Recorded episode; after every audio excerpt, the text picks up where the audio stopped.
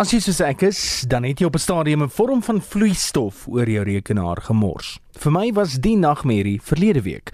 'n Glas skulptuur in die skerm tussen die sleutelbordtoetse langs die kante, enige moontlike plek waar dit kon in.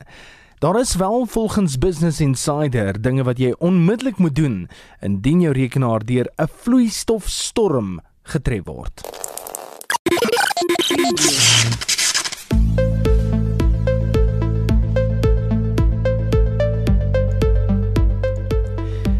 Stoor enige dokumente wat jy moontlik moet stoor en skakel jou rekenaar so gou as moontlik af.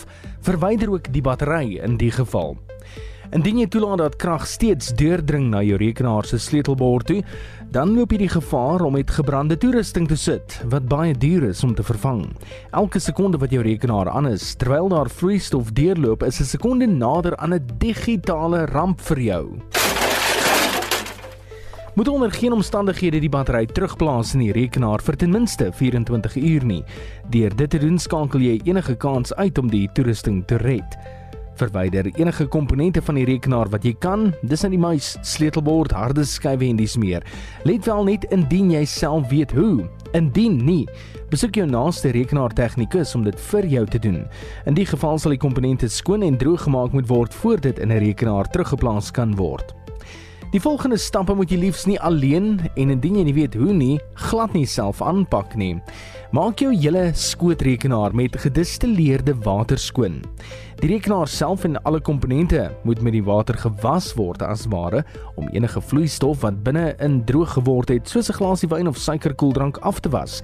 Ja, dit klink vreemd om te sê, was jou rekenaar met nog water. Maar indien reg gedoen, dan kan dit nogal baie skade verhoed.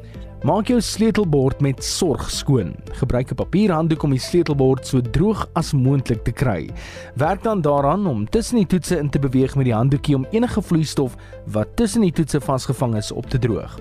Herhaal die stap ook vir die skerm en enige ander dele van die rekenaar. Met ander woorde, droog alle oppervlakwater so gou as moontlik op. Die kenners reken ook dat jy jou rekenaar onderste bo moet draai en in 'n L-vorm laat staan, sleutelbord na onder om enige water wat vassit met behulp van swaartekrag te dreineer. Los die rekenaar so vir ten minste 'n dag. Onthou ook dat 'n droogmaak en 'n skoonmaakproses nie gou gedoen kan word nie, maar eerder deeglik.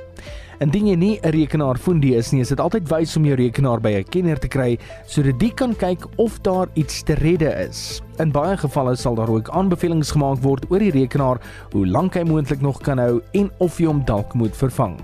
En laastens word daar ook genoem, hou maar enige vloeistof buite bereik van jou rekenaar. Mens weet nooit wat gebeur nie.